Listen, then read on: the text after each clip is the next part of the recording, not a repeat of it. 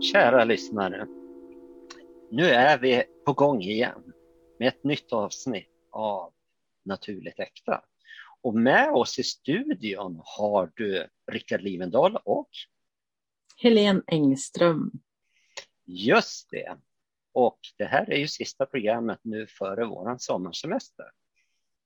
Mm. Och eh, i det här avsnittet så kommer vi Ja, vi kommer nog att dyka lite djupt faktiskt, men inte i de traditionella kvantfysiska termerna som vi ibland fördjupar oss i. Inte heller i medlemskapet, utan vi kommer gå så djupt så att vi börjar prata om känslor. Ja, gissas. Ja. Tänkte jag vara lite ironisk så här, bara känslor, gud vad hemskt. Det kan man ju inte prata om, för då kan ju någon förstå eller komma nära in på livet. Gud vad otäckt. Nej, nej, nej, det pratar vi inte om, eller hur? ja, men det, var, det, är så intressant, för det är precis så det verkar vara alltså.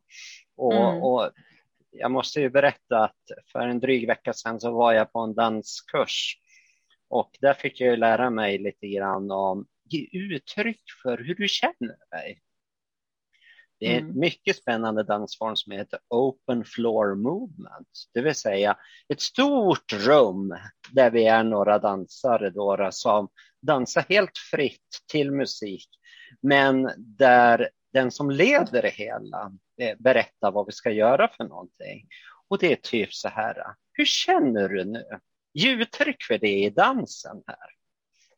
Mm. Så det var det som fick mig att börja inse att vi är för tusan, vi är jättedåliga på att uttrycka våra känslor. Det har vi ju alltid vetat, att vi svenskar är rätt så okänsliga, kan vara ganska okänsliga. Och det tänkte jag att vi skulle dyka ner i.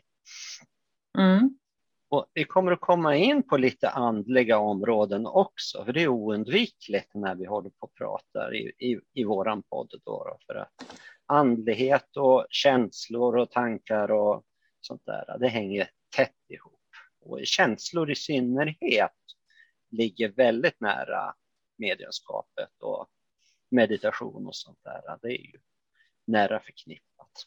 Till exempel i din bergsmeditation skulle jag kunna säga.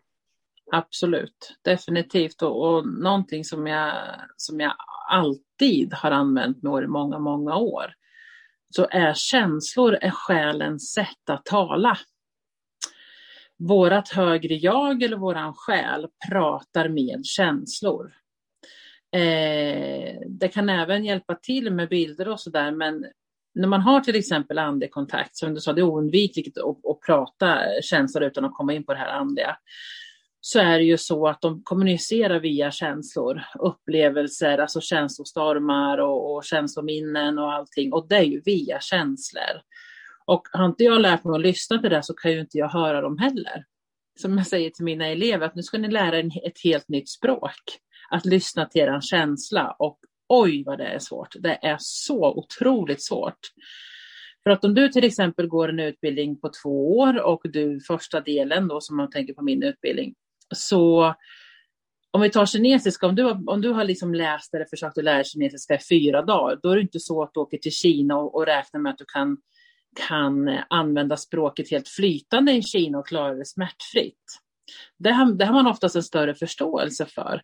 Men när det gäller känslor så räknar många med att nu kan jag det och nu vet jag hur man gör. Man tänker liksom inte på hur, hur olikt det är att använda den, den mentala tanken, alltså mänskliga tanken eller tanken och sen våra känslor i våran själ och lyssna till den. Så det är jättesvårt och speciellt som du säger, vi svenskar eller svenskar som är uppfödda med jante. Vilket betyder om jag känner någonting är inte det okej okay, för att jag är inte mer speciell än någon annan. Jag är inte bättre än någon annan utan vi är alla likadana. Men mina känslor kanske säger något annat. Men tanken och hur vi blir uppfostrade eller i samhället gör att man inte, känslan får liksom inte plats. Vad tänker du om det? Jag håller fullständigt med dig och jag menar det här du beskriver i medlemskapet, det, det är ju så rätt. Eh, det, det, vet ju alla som har försökt att uttrycka sina känslor i ord. Alla vi som har jobbat som medium och, och fångat upp de här känslorna, egentligen ska sätta liv på den här människan som vi har med oss ifrån andevärlden. Mm. Skapa en personlighet, det gör vi genom känslor. Det, mm. jag menar, det är många som säger åh, jag är klärvoajant och sånt där, vilket betyder klarseende, det vill säga vi ser eh, mm. omgivningen. Men jag menar, försöker du beskriva mig genom att bara titta på det du ser här, du kommer inte få någon mm. personlighet då, utan det är ju genom känslorna du verkligen förstår, eh, kan liksom förklara att så här är Rickard liksom, och så här är Helene. Eh, det är ju genom känslorna och då gäller ju verkligen att kunna sätta ord på de känslorna. Och vi är inte mm. vana vid det. Vi är inte uppfostrade till att prata känslor. Äh, sånt där trams, det håller man på med som barn eller det är bara kvinnor som gör det. Vad är du för en man som liksom pratar känslor så här? Mm. Det är ju, Precis. Jag menar, det svenska sättet att vara, det är inte speciellt känslobetonat. Ta det här som vi började vår podd med, det här avsnittet om sorg. Där mm. pratade vi rätt så mycket. Där berättade jag om hur det kändes liksom, att känna sorg och hur det kändes att möta andra människor och vilka problem som inte jag hade, men som många andra som jag har hört eh, berätta om sina sorgeperioder, hur de lider av att människor inte vågar prata om det här.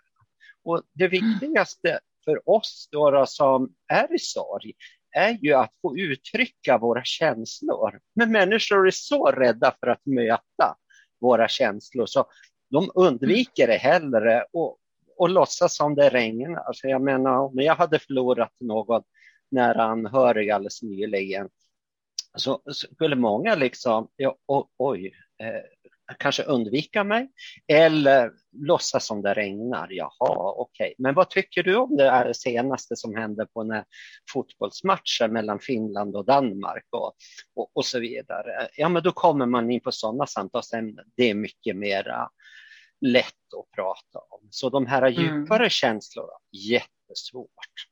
Måste mm. jag säga. Och vi, det, vi är inte uppfostrade till att uttrycka oss på det viset. Så vi behöver lära oss det. Vi behöver släppa loss på det. Och mm. som jag upplevde då på den här dansträningen, det var ju just uttryck dina känslor genom dans. Vad tänker mm. du om det? Uttrycka känslor i dans? Ja men absolut.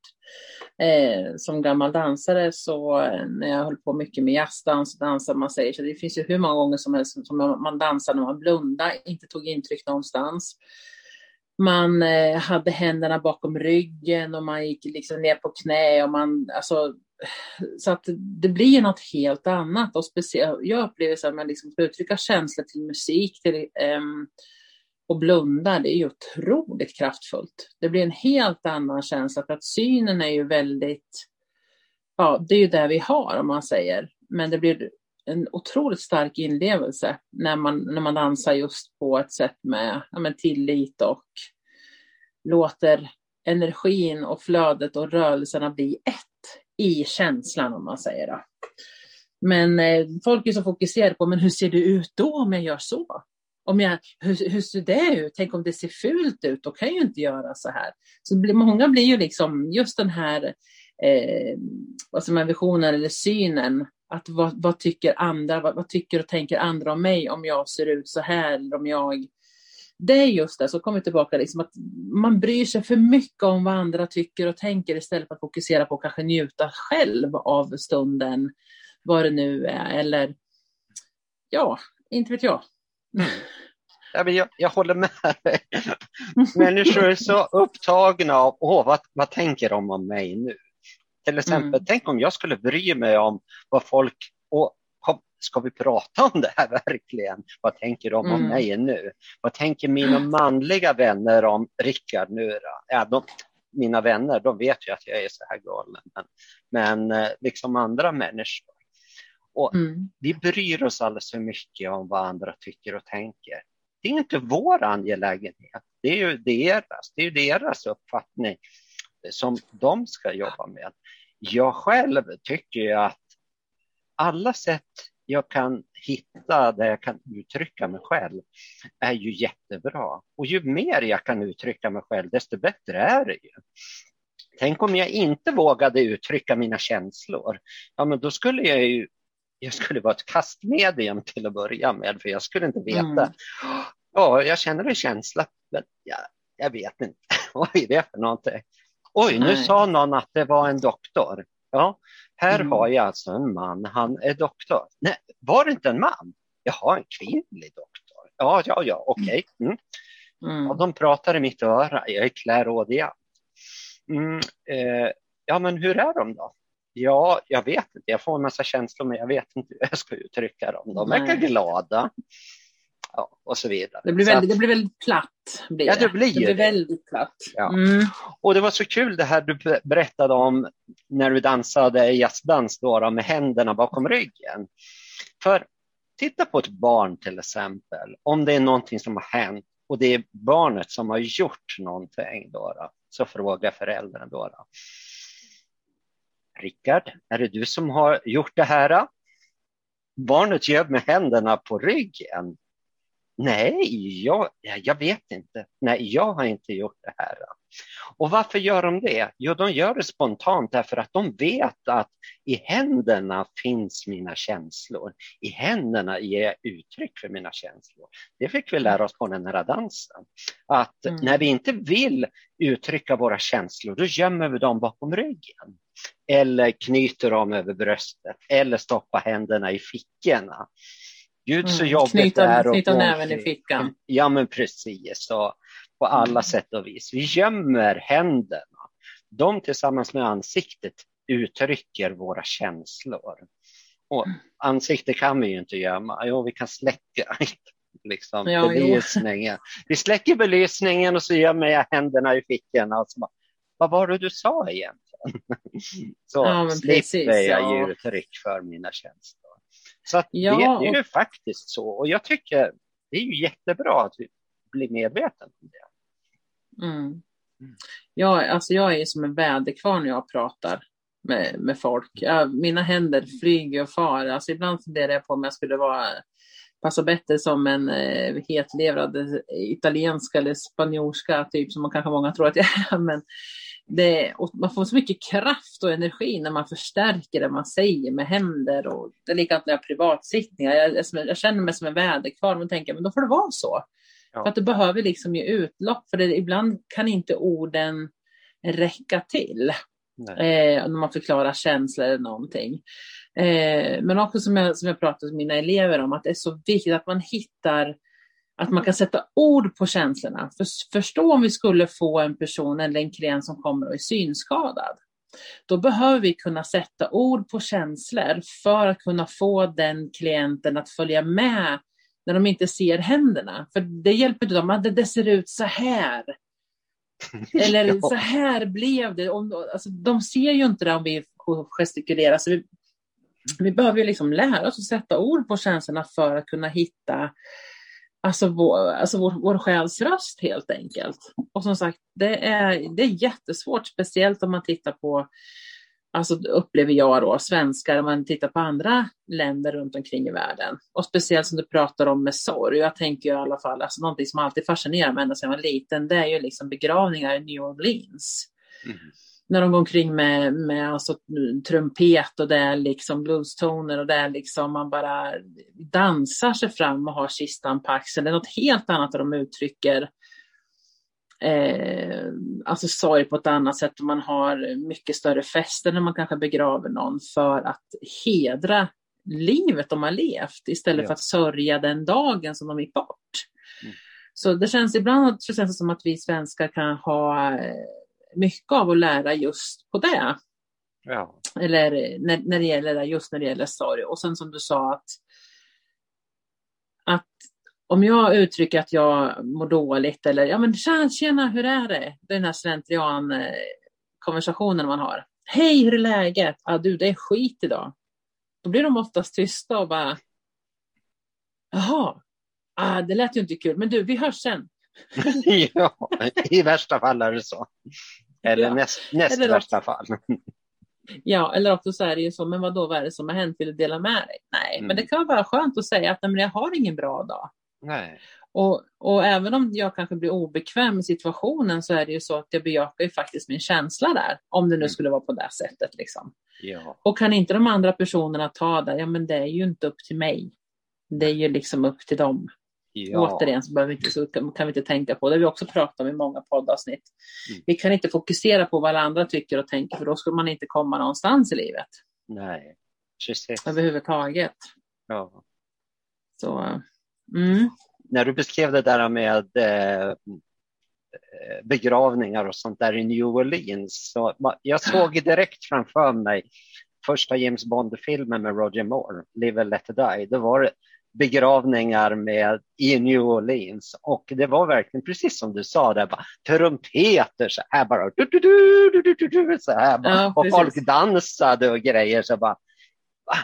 Vad är det frågan om tänkte man liksom. Ja. ja. Nej. Och sen, jag menar Italien, Irland, vissa ja. länder är ju jätteuttrycksfulla. Mm. Och, och, och, det är ju, jag menar, där hedrar de ju verkligen livet. Där, mm. där, där gör de ju begravningar, hela det här med att någon har dött, så är det ju stor samling med folk liksom som träffas mm. och, och ska hedra den människans liv och mm. all, allt den har gjort och sånt där. Och hedra, ja. Så det är helt annorlunda jämfört med här i Sverige. Absolut, och, och, och, min man jobbar ju på ett irländskt företag. Eh, så jag har ju träffat en hel del irländare de här åren. Eh, mm. Och så har vi pratat just om det tack vare att jag har det yrke jag har. Många är väldigt fascinerade över att den jag är. och så har vi pratat om just det här med begravningar, att Patrik har också frågat om det. Så då frågar jag, har ni liksom fest när någon begraver sig? Och, eller när man begraver sig, när någon begravs. Eh, mm. Så då säger de det att ja men så här är man har faktiskt stor fest, man träffas oftast på en pub efteråt och, så, och sen så har man riktigt dyngfest och man, blir, man, blir, man är inte nykter direkt. Men har en person gått bort på ett tragiskt sätt, som via dråp eller eh, något så här olycksfall, så, något på, på, tragiskt, på tragiskt vis, då, då är det mer dämpat, då gör man inte den då har man inte den traditionen. Okay. Men om någon har varit sjuk och man har kunnat prata med dem efteråt, alltså typ under tiden, eller om någon har gått bort som gammal och man har haft ett bra liv, då hedrar man. Mm. Eh, men skulle det vara så att det blir eh, ja, onaturliga omständigheter, då dämpar man liksom festandet och, och har en helt annan tradition för att ja visa vördnad. Det är liksom inget, man vill inte festa med en person som kanske blivit dräpt utan man Nej. kanske gör det på ett annat sätt. Då. Så, så det, det, visste jag inte om innan jag pratade med dem att det var på det sättet, men väldigt mm. intressant. Mm. Jätteintressant. Eh, mm. Precis. Så, och, och, hon som jag var och dansade för, då, hon kommer just från Irland. Mm. Och eh, hon pratade och hon pratar alltid så jättemycket om den här liksom, irländska kulturen, att man tar för sig på ett helt annat sätt än vad vi svenskar gör. Det är därför hon ja. älskar det här med dansen också, för det, det är verkligen mm. att ge uttryck för alla sina känslor. Och, och mm. jag menar, jag, jag tänker, eh, ni som lyssnar på det här, eh, stoppa tummen i respektive hand mitt i handflatan och sen vik lite mjukt Eh, resten av fingrarna över och sen stoppa händerna någonstans var ni vill och sen dansa och känn efter. Hur känns det här? Jag kände ju då när jag dansade där så kände jag bara att men gud, jag kan ju inte göra någonting. Jag, har ingen, jag kan inte ta tag i någonting eller jag kan inte göra någonting med händerna. Jag kände mig instängd när jag gick omkring så här. Och det uttryckte jag också i dansen. Och sen när man bit för bit släppte upp fingrarna och till slut när hela handflatorna var öppna, då, då var det som att sväva över dansgolvet så här. För då var man uttrycksfull, precis som italienare kan vara, precis som irländare mm. kan vara. Alltså då levde man verkligen ut sina känslor på dansgolvet eller så. Så det är ju ett exempel på hur, hur otroligt mycket som påverkas av det vi gör med våra händer. Och jag vet att många människor, framförallt sådana som står och pratar, nu, både du och jag, vi är väldigt uttrycksfulla när vi tar in kontakter eller håller föredrag eller liknande med armar och händer. Men det finns en del som tycker att åh, det här är så jättejobbigt. Vad gör jag av händerna? Stoppa ner dem i fickan. Nej, det var inget skönt. Och då blir man, åh, det är så svårt att veta vad gör jag av händerna? Folk är så ängsliga för att liksom eh, leva ut med sina känslor i kroppsspråket med armarna, med händerna, med ansiktet, hel, hela kroppen liksom, på det viset. Och, mm. och, det tycker jag, det, det visar att vi är väldigt ovana vid att leva ut allt det som finns inom oss själva. Men det är så befriande när man kan göra på det viset, att bara släppa loss och nu vill jag prata om det här. Och du vet ju, det finns en del medium som går fram och tillbaka på sidorna så här runt på, på scenen liksom. Och det är ju mm. sällan ett medium står still och säger bara jag har en farfar. Ja, det var inte roligt att leva. Nej. Nej Men nu är han jätteglad och Ja, och så står man still och pratar i en sån här monoton. Nej, så är ju inte vi i media. Då, då. Vi, vi, vi, är inte på det viset. Vi måste ge uttryck för allt det vi känner liksom. och då behöver man röra på sig, åtminstone mm. armarna för att ge uttryck för känslorna. Ja, precis. Och, och, och, jag tänker, när man pratar om det här med att, som du pratar om, att man tänker, man lägger fokus jäkla mycket på vad andra tycker och tänker så att jag, så att jag liksom inte mm, uttrycker det jag känner. För att, men, ja, som vi har pratat om, men nu, nu vill alla i den här gruppen, nu vill alla åka och fiska. Jag känner verkligen att jag vill, alltså nej gud, det är inte min grej. Jag känner verkligen att jag inte vill följa med. Alltså, har du något tips till de personer som lyssnar som kanske verkligen känner att de alltid backar backar på grund av alla andras åsikter och val och vad de, och så, typ en sån här, jag ska inte säga att man vänder kappan efter vinden, men man hela tiden följer med bara för att man underlättar situationen eller man underlättar för den andra personen för att man vill inte att det ska bli besvärligt för dem, men så blir det jättetokigt för mig. Har du något förslag eller tips på hur man liksom kan lyssna till sin känsla mer? Alltså och stå upp för sig själv kanske på det sättet? Ja, det finns hur mycket sätt som helst. Men, men alltså, när du beskriver det på det viset, då, då tänker jag på det som en av mina favoriter, Anita Moriani, säger om empater. Empater är sådana mm. som nej, inte ska jag lägga fram min önskan. Jag följer med de andra. Jag, jag vill vara till lags för de andra. De är viktigare. Det är viktigare att följa med dem. Så är man lagd åt det, alltså en högkänslig människa som tycker att det är viktigt med att, att andra mår bra och blir glada och sånt där. Då, då, behöver man liksom stärka sig själv och förstå att jag lever mitt liv. Och egentligen är det det det handlar om jag lever mitt liv och jag måste få säga vad jag tycker och tänker. Jag måste få säga, bejaka det. För jag menar, vem är jag annars? Om inte jag bejakar mitt unika sätt, då lever jag ju ett liv som inte är mitt. Då är jag inte här för att göra det jag kom hit för att göra. Så att bejaka mm. sig själv är ju jätteviktigt, för det är där som jag blir mitt autentiska jag. När jag uttrycker mig själv och mina behov och säger nej, jag vill inte följa med. Åk iväg ni, det blir jättebra.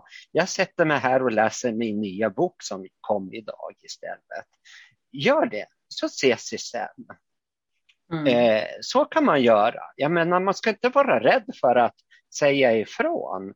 Och, och, man ska inte vara rädd för att säga, ja nu sa jag nej en gång här, nu måste jag säga ja tio gånger.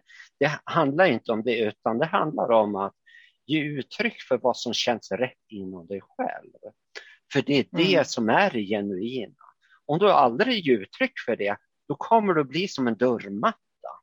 Folk kommer bara köra över dig hela tiden. Och det är inget roligt, ja. det är inte ett bra sätt att leva. Nej, och sen är det ju så där också att man när, alltså när man gör på det här sättet eller har kanske lärt sig då att, eller för att det, som vi sa, att vi svenskar har ju alltid lärt oss att ja, men tänk på Tänk på dem, eh, gör inte de personerna ledsna, gör inte dem, det är så viktigt att se till att inte vi sårar någon annan människa. Men när vi gör på det här sättet, att hela tiden lyssnar till alla andra, prioriterar alla andra, då sårar vi oss själva i längden. Och det är okej okay, enligt den svenska normen. Så länge vi inte sårar någon annan eller trampar någon annan på tårna så spelar det ingen roll hur mycket vi trampar oss själva på tårna eller gör oss själva besvikna om och om igen. För det är liksom en kutym och det, det är okej, okay, vilket är helt vrålfel anser jag. Eh, och, och jag tänker liksom att ju mer vi fokuserar på vad alla andra tycker och tänker och vad de känner, desto mer långt ifrån kommer vi oss själva. Eh, kanske låter det här lite burdust, men sköt dig själv och skit i andra. Och då pratar jag liksom inte om att någon annan, alltså behöver någon hjälp, det är inte frågan om att man ska dissa det, men om vi hela tiden ska lägga vårt fokus på vad alla andra tycker och tänker och känner, vad alla andra tycker och säger om jag säger nej eller om jag vill gå i en skola i en annan stad eller om jag vill byta ett jobb. Vad säger chefen? Vad säger arbetskamraterna? Vad säger min kvinna? Vad säger min man? Alltså, då är det ju allt det andra är ju viktigare. Vad alla andra känner, inte vad jag känner. Och det är ju lite där vi har lärt oss från början för att ja, det är så vi uttrycker oss till våra barn eller har gjort. Att säg inte så, tänk på, nej men jag vill inte leka med honom eller henne. Nej, men nu har ju du lovat och då kanske han eller hon blir ledsen om du inte gör det. Ja, men jag vill inte, jag är trött. Ja, men då är inte min känsla relevant. Så jag lär mig att det jag känner inte blir relevant i varken relationer eller möten för att alla andra är mycket viktigare. Mm. Exakt. Och en, en sak till, jag menar, vi är inte sanna mot oss själva.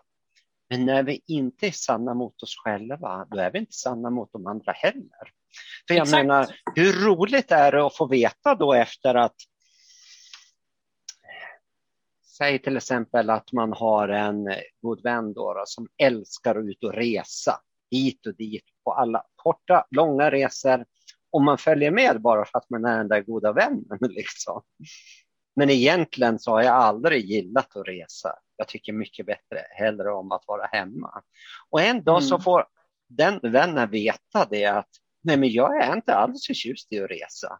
Så du menar, du har varit med på de här resorna som vi har gjort tillsammans här i åratal, både till när och fjärran, både till Surahammar och till Madeira och till eh, Västindien och sånt där. Du har bara gjort det för att tillfredsställa mig. Gud, vilken hemsk människa du är. Varför har du inte sagt det? Vem är du mm. egentligen? Alltså, ja. nu är inte, en människa är inte hemsk bara för att man inte säger, men, men egentligen, jag skulle bli jätteledsen om jag fick veta att en av mina vänner bara följde med mig bara för att tillfredsställa mig. Mm, precis. Jag skulle bli, ja. bara, nej, men vad är det för vän egentligen? Vem ja, är jag då? Och, och, det blir ju liksom en bluff både för en själv och omgivningen. Så att frågan är ju liksom vad är viktigast? Att göra andra människor obekväma genom att jag är ärlig mot mig själv. För att, att, om, att andra blir obekväma för att jag säger ja eller nej eller gör vad jag känner för att ta det här jobbet. Jag tycker mer, eller funkar mer för mig än alla andra. Då är det ju så här att det är ju deras issue och ta tag i den biten. Men man kan ju liksom inte, man kan alltså, man behöver börja bli mer obekväm. För att ju mer obekväm du blir, ju mer ärlig är du mot dig själv och desto lättare har du liksom att nej men det här är, vägen blir liksom rakare på ett sätt. Alltså vi behöver inte försvåra för oss själva för att livet ger oss jäkligt många törnar ändå. Vi behöver liksom inte, vet du, contribute, oh, contribute. vi behöver inte um, bidra till. Bidra med vårt tankemässiga sätt eller vårt ego, att det ska bli lättare för alla andra, utan fasen gör det obekvämt för andra människor. För att när vi hela tiden kanske säger ja och tänker på alla andra, då lär vi ju de andra människorna att agera. Du lär ju dem att behandla dig själv dåligt liksom. För att om jag hela tiden bejakar alla andra och inte mig själv, då är det ju så här att jag kommer ihåg för massor med år sedan när jag gick på, på livsmedel, kommer jag ihåg, där liksom, och då var det mot slutet man var på alla katten. Kanske någon av mina gamla klasskamrater lyssnar och det, trust me, det är ingen big deal det här. men då kommer jag ihåg, då stod jag alltid och diskade, så kommer liksom alla grabbarna, men Helene du står ju ändå och diskar här i alla katter. du kan ta min kastrull med. Ja absolut, du kan ta. Varenda gång, jag sa ju ja hela tiden. Tills en dag, men vad fan diskar ni inte själva för? Liksom? Varför gör ni inte det själva? för? Ja, men du brukar ju alltid ta det. Mm. Jo, för att just då den här gången tyckte jag att det var okej. Okay. Mm. Och så var det okej okay gång nummer två och det var lite okej okay gång nummer tre. Men nummer fyra var lite tråkigt men jag gjorde det i alla fall. Vi har ändå gjort det så många gånger. Så på ett sätt så lärde jag dem att, ja, till slut behövde de inte fråga för jag gjorde det i alla fall. Och om jag har lärt dem att det är okej okay, och så blir jag förbannad på dem för att de gör någonting som jag liksom har indikerat på att det är okej. Okay. Det är precis som du säger, då blir ju det riktigt fel. Ja. Varför sa du ingenting då? Man bara, ja men jag tänkte. Så, så att mm. det var typ bland de första gångerna jag upptäckte, liksom, jag har ju lärt dem att de kan mm. ställa sina kastruller för att jag ändå står här och diskar. Och det spelar ingen roll om jag var vid storköket eller la kappen eller vid kallskänken, vart jag nu var någonstans. Nej. Men ja, man behöver liksom tänka efter eller känna efter vad, vad är bäst för mig. Ja. Utan att för den delen trampa alla på tårna och så vidare. Och mm. hela det, för det finns ju alltid, men om man gör det här, det finns alltid, man kan ju alltid vända en sten 14 gånger, men om man säger så, då, då blir det ju så här och så, så egoistisk kan inte jag vara, jag är inte så självisk och så där. Eh, men någonting som vi alla som har flugit flygplan vet, Mm. som är väldigt självklar. Mm. Att när vi flyger flygplan och vi har barn med oss så är det så att händer det någonting så åker det ner en syrgasmask. Mm. Den masken ska vi vuxna ta på oss först innan vi ger den till våra barn. Vi ska inte ge den till våra barn först, för att är det så att vi vuxna svimmar av, då har inte barnen någon hjälp. Så där, att prioritera sig själv först, är en självklarhet. För att då kan man inte ta hand om andra, men inte när det gäller vår känsla och vårt vardagsliv. Nej, just det.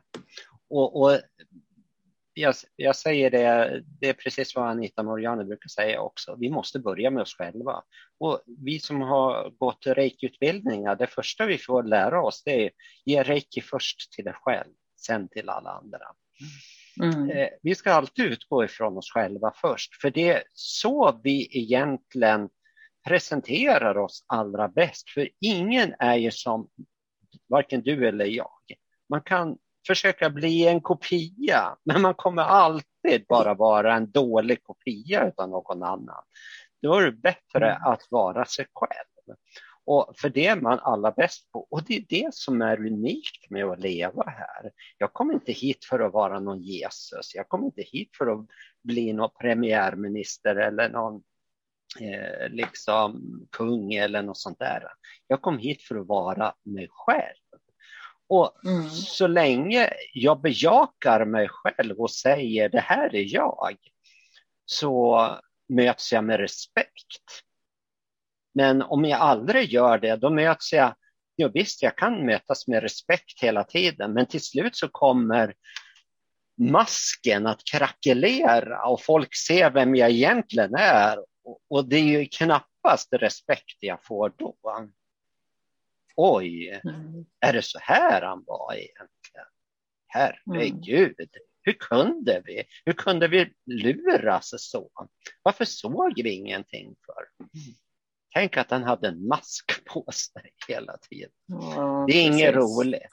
Och jag menar, det är ju väldigt jobbigt också, för då måste jag ha koll på vem har sagt till, sagt vad till och, och, allt möjligt. Vem har beskrivit mitt äkta jag och vad har jag sagt? Vad sa jag egentligen till de andra där borta, mina nya arbetskamrater? Vad sa jag till dem för att ställa in mig så att de skulle respektera mig? Jag kanske inte sa att Jo, jag är medium och jag håller på med kvantfysik och jag älskar att dansa fast jag inte kan dansa de här klassiska danserna, men jag älskar att uttrycka mig i form och bild. Och, och jag gör ditten och datten. Jag spelar gång och allt möjligt sånt där.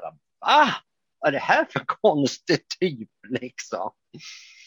Ja, men så skulle man ju mm. kunna vara. Och jag menar, jag försöker så långt det är möjligt att att ge uttryck för det där. Sen ger jag inte uttryck för allting, men där det passar så ger jag mm. uttryck för det som det passar då, då som mina nya jobbarkompisar till exempel.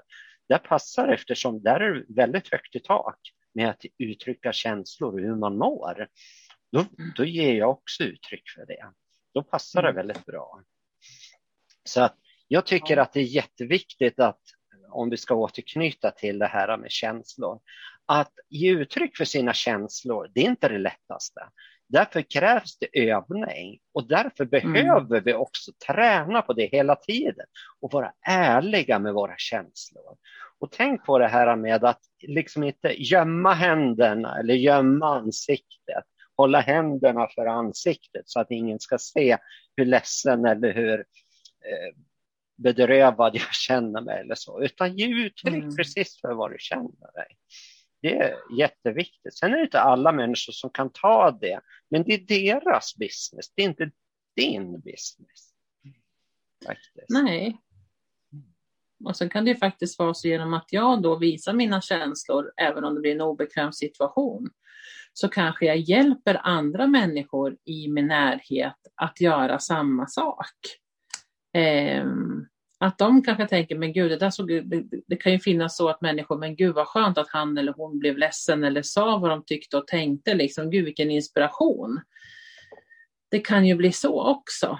Eh, att man inspirerar andra människor att ta till ett kliv genom att vara mer autentiska och eh, måna om sig själv. Alltså man kan bli en inspiration när man gör det också. Men gud, du har så lätt att uttrycka känslor. Ja, men det har inte alltid varit så lätt, men jag har tränat på det och nu känns det väldigt bra. Mm. Eh, för allting är ju liksom övning. Ja. jag gjorde ju liksom inte en trippeltolo första gången jag ställde mig på, på, på, på konståkningsskridskor, fast jag hade önskan om det och aldrig gjort det ändå. Men, mm. men i mitt huvud gjorde jag ju det väldigt vackert. jag vet inte ens vad det är. En inspiration. Liksom. Ja, men absolut. ja. Det är det som är så läckert. Och, ja. Ja, ja. ja Nej, men jag, jag håller med dig. Det, det här med all, vi måste öva. Övning ger färdighet. Mm. Och eh, jag menar, om inte vi uttrycker våra känslor när vi lever, hur ska någon ett framtida medium då kunna ge uttryck för eh, oss när vi vill ta kontakt med våra kär, nära och kära eh, liksom, och berätta att vi är här. För mm. de känner ju inte oss på det viset om inte vi har gett uttryck för det vi känner. Så Nej, vi behöver verkligen värna om våra känslor, för det är oerhört viktigt. Och värna om varandras känslor också. Och stötta och jag kommer tillbaka till det här med när en människa är i sorg eller har problem eller något sånt där. Vi behöver inte lösa det. Det viktigaste i det sammanhanget det är jag får berätta om mig själv och mina känslor och hur jag mår och sånt där. Jag behöver bara ha ditt öra. Mm. Du behöver inte hjälpa mig annat än genom att finnas där och lyssna på vad jag säger och sånt där. Det mm. hjälper. Mm. Så i alla sådana sammanhang, våga möta det här svåra, besvärliga utan att vara rädd för att, att du måste hantera någonting sånt. Det enda du behöver hantera det är dig själv och din reaktion mm. när du möter en människa i sorg till exempel. Mm. Mm. Ja, exakt. Och det är som, som jag sa, liksom, ursäkta, att eh, om jag sköter mig själv och ser till att jag mår bra, ursäkta, eh, så det betyder inte som jag sa till att man skiter i andra, men jag är viktigare. Och är det så att jag säger att ja, men så här känner jag och att personen runt omkring mig eh, blir obekväm, då kan jag också vara ärlig mot mig själv och känna att det har ingenting med mig att göra. Utan att den personen blir obekväm med för att den personen inte vet hur den ska hantera att jag uttrycker mig så här. Eh, och det är också jätteviktigt. Det betyder inte att man blir iskall eller någonting sånt, utan det är bara att man börjar i rätt ända som vi skulle gjort från barns ben. Lärt oss från barn hur vi känner oss. Och inte trycka bort känslan eller den här olustkänslan oavsett om det var ett spöke under sängen eller om det var så att jag slog i knät för hårt och det gjorde väldigt ont. Oavsett vilken situation det än är så skulle vi ha lyssnat mer till den känslan. Ja. Eh, utan för den delen låta känslan ta över, för då blir det, det blir ett helt annat samtalsämne. Men ja, det är ja. otroligt stort. Ja. Så, eh, ja. Ja, jag håller med dig. Det, det, här skulle vi kunna prata om mycket mer i olika sammanhang med olika vinklingar. Men jag tycker oh, ja. att vi har fått fram väldigt mycket utav det som jag kände direkt när jag började reflektera över det här med att vi är så stela när det gäller att uttrycka våra känslor. Mm. Här i Sverige i varje fall. Säkert ja. inte alla, men många är det. Och ja. Jag tycker att det är viktigt att prata om det här, börja lätta upp på det här och våga vara mer autentiska. Oss mm. själva. Mm. Så ta med er det här nu, lyssnarna, över sommaren och fundera över det. Vad har jag för känslor som jag inte ger uttryck för? Säger mm. jag hellre ja bara för att tillfredsställa någon annan när jag egentligen skulle vilja säga nej? Och mm.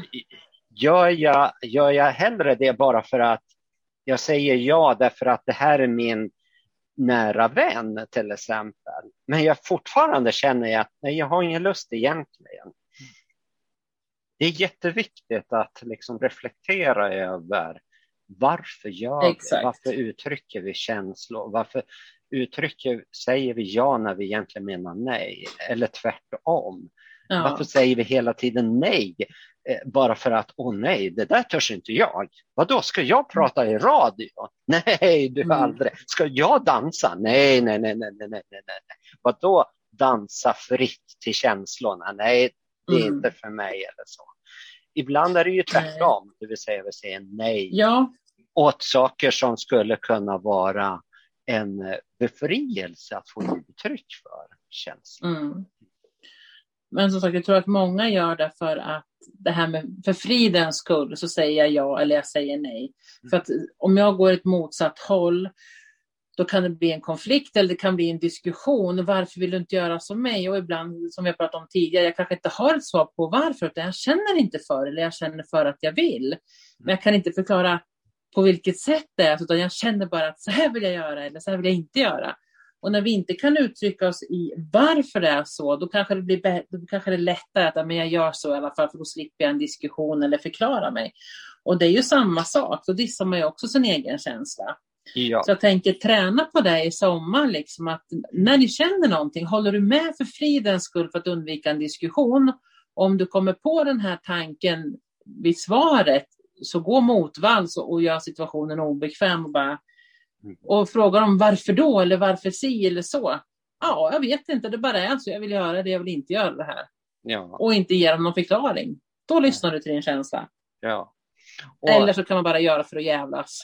ja, det man också. det, finns det, också, det finns ju också det alternativet. det, det kan jag lika gärna ta upp. Det finns, våra lyssnare har väldigt många olika Ja. ja, men då kan man ju jävlas och säga så. Ja, men det finns det säkert, det kan man säkert också göra om man vill. Om man har en räv bakom varje öra. Ja. Med glimten i ögat hoppas jag då. Ja, och jag tänkte just berätta om det när jag hade en räv bakom bägge öronen och en i munnen också. Och när jag, var, jag har berättat om det i ett av mina bloggavsnitt. Då, då. Eh, men när jag var på en kurs här för det är väl fem år sedan ungefär och eh, vi skulle göra en övning och eh, alla satt där och svor över fan vad svårt det här var liksom och sånt där. Och jag läste igenom och tänkte att nej, det här är ju omöjligt. Jag kan inte göra det här. Och sen, ja, är ni klara nu, sa ledarna. Då. Ja, det är vi. Så att eh, då började folk att berätta hur de hade resonerat. Så här gjorde jag för att jag resonerade så här. Och till slut kom det till mig, så sa jag bara, jag sket i att göra övning. Och alla bara, va? Sket i att göra övningen? Ja, det var ju omöjligt. Jag skulle inte kunna göra det här om jag fick den här arbetsuppgiften i, i mitt riktiga liv. Liksom. Jag skulle inte kunna göra den här för att jag har för lite information. Så jag sket i att göra uppgiften. Och du vet, de kunde inte ens föreställa sig att någon skulle våga göra på det viset. Så efter det så bara, jag vill vara med i Rickards grupp för där skiter vi i reglerna, sa de då. Bara. Så att det blev på, på ett sätt succé att göra så. Och jag menar, det, ja. det tycker jag är, det är bland det roligaste jag vet, liksom, att ensam i en grupp på 12 personer då, då säga att jag sket i uppgiften då, då, och den reaktionen det fick. Ja. ja. Då behöver man bara ha två rävar bakom varje öra och en i käften också. För att ja, göra det, det. det är ganska... Ja, det är befriande. Det är jag säger bara det, det är kul. Men ja. det, är kanske inte det ni ska träna på i sommar, men förr eller senare när ni börjar bli varma i kläderna och ge uttryck för känslorna, då kan mm. ni börja liksom också leka med det här. Så ja, jag vill bara önska lyssnarna en jättefin sommar så får vi se när vi kommer tillbaka.